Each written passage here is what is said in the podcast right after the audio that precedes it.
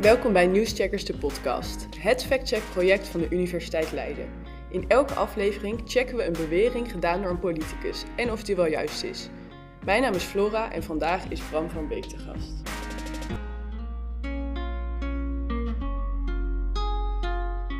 Bram, vertel eens wie je bent.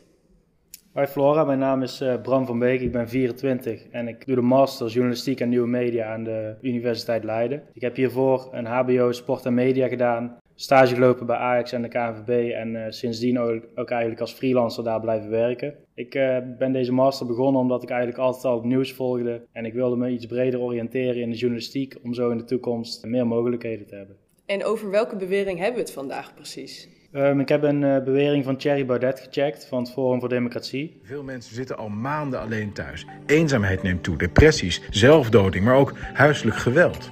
Omdat de spanningen bij gedwongen thuiszitten enorm kunnen toenemen.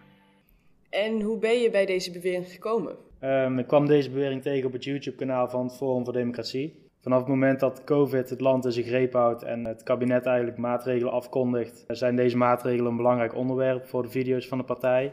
Ze plaatsen sinds de start van corona al 61 video's over, uh, over COVID. En ja, ze zijn heel kritisch op alle maatregelen die er nu zijn. En ook de minister gelooft dus niet dat de draconische regels die we nu hebben in Nederland nog noodzakelijk zijn. Het is veel minder gevaarlijk dan we in het begin dachten. En al die maatregelen die we nu nemen, die overigens ook nog eens een keer volstrekt inconsistent zijn. Ik heb uh, hier in de Kamer vele stupide ideeën zien langskomen de afgelopen jaren. Maar deze corona-app spant toch wel de kroon. Disproportioneel, we zijn op het verkeerde been gezet. De maatregelen zijn ingesteld op een virus dat het niet blijkt te zijn. Geef ons onze vrijheid terug.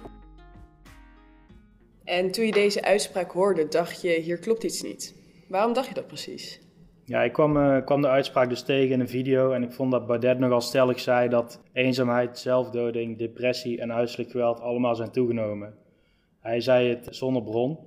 En mijn uh, vriendin en mijn moeder die werken beide in de gezondheidszorg. En ik weet van hun dat er wel ontwikkelingen zijn op dat gebied, maar of er echt al cijfers bekend zijn dat alle vier deze factoren zijn gestegen, dat, uh, dat vroeg ik me wel sterk af.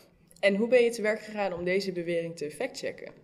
Ja, het is natuurlijk een, een, vrij complexe bewering. Het is opgedeeld in, in vier factoren. Dus ik heb die uh, gesplitst. Ik heb dus individueel onderzoek gedaan naar eenzaamheid, zelfdoding, depressie en huiselijk geweld. En voor alle vier die factoren ben ik op zoek gegaan naar cijfers bij de grotere instanties. Voor eenzaamheid kwam ik al snel uit bij het Sociaal Planbureau. Depressies, daar heeft het GGZ en het Trimbos Instituut veel onderzoek naar gedaan de afgelopen maanden. Voor zelfdoding kwam ik terecht bij 113 Zelfmoordpreventie, die daar cijfers over verzamelt. En het landelijk netwerk Veilig Thuis doet al uh, jarenlang onderzoek naar huiselijk geweld.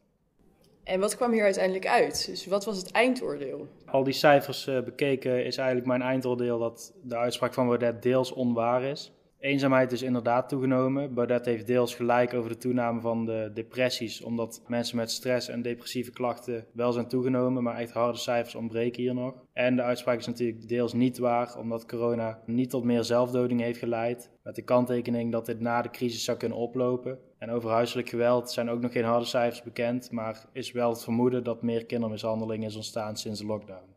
En heb je dat voorgelegd bij Baudet of bijvoorbeeld de FVD en wat vonden zij daarvan? Um, ja, ik heb het Forum voor Democratie gemaild over deze factcheck.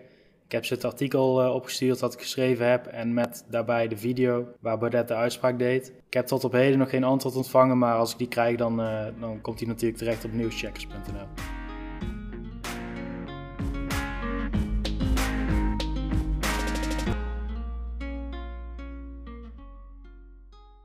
Het is natuurlijk goed om te weten dat deze bewering deels onwaar is. Maar wat vind jij zo belangrijk aan het factchecken van politici?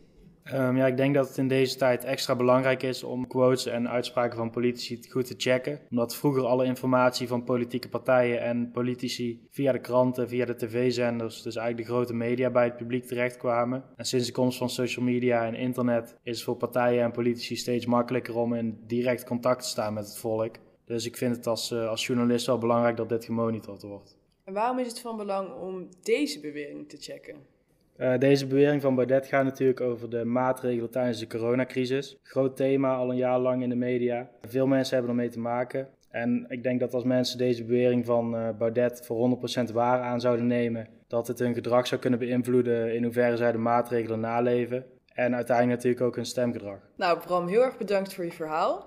En waar zouden we deze factcheck kunnen vinden? Op nieuwscheckers.nl.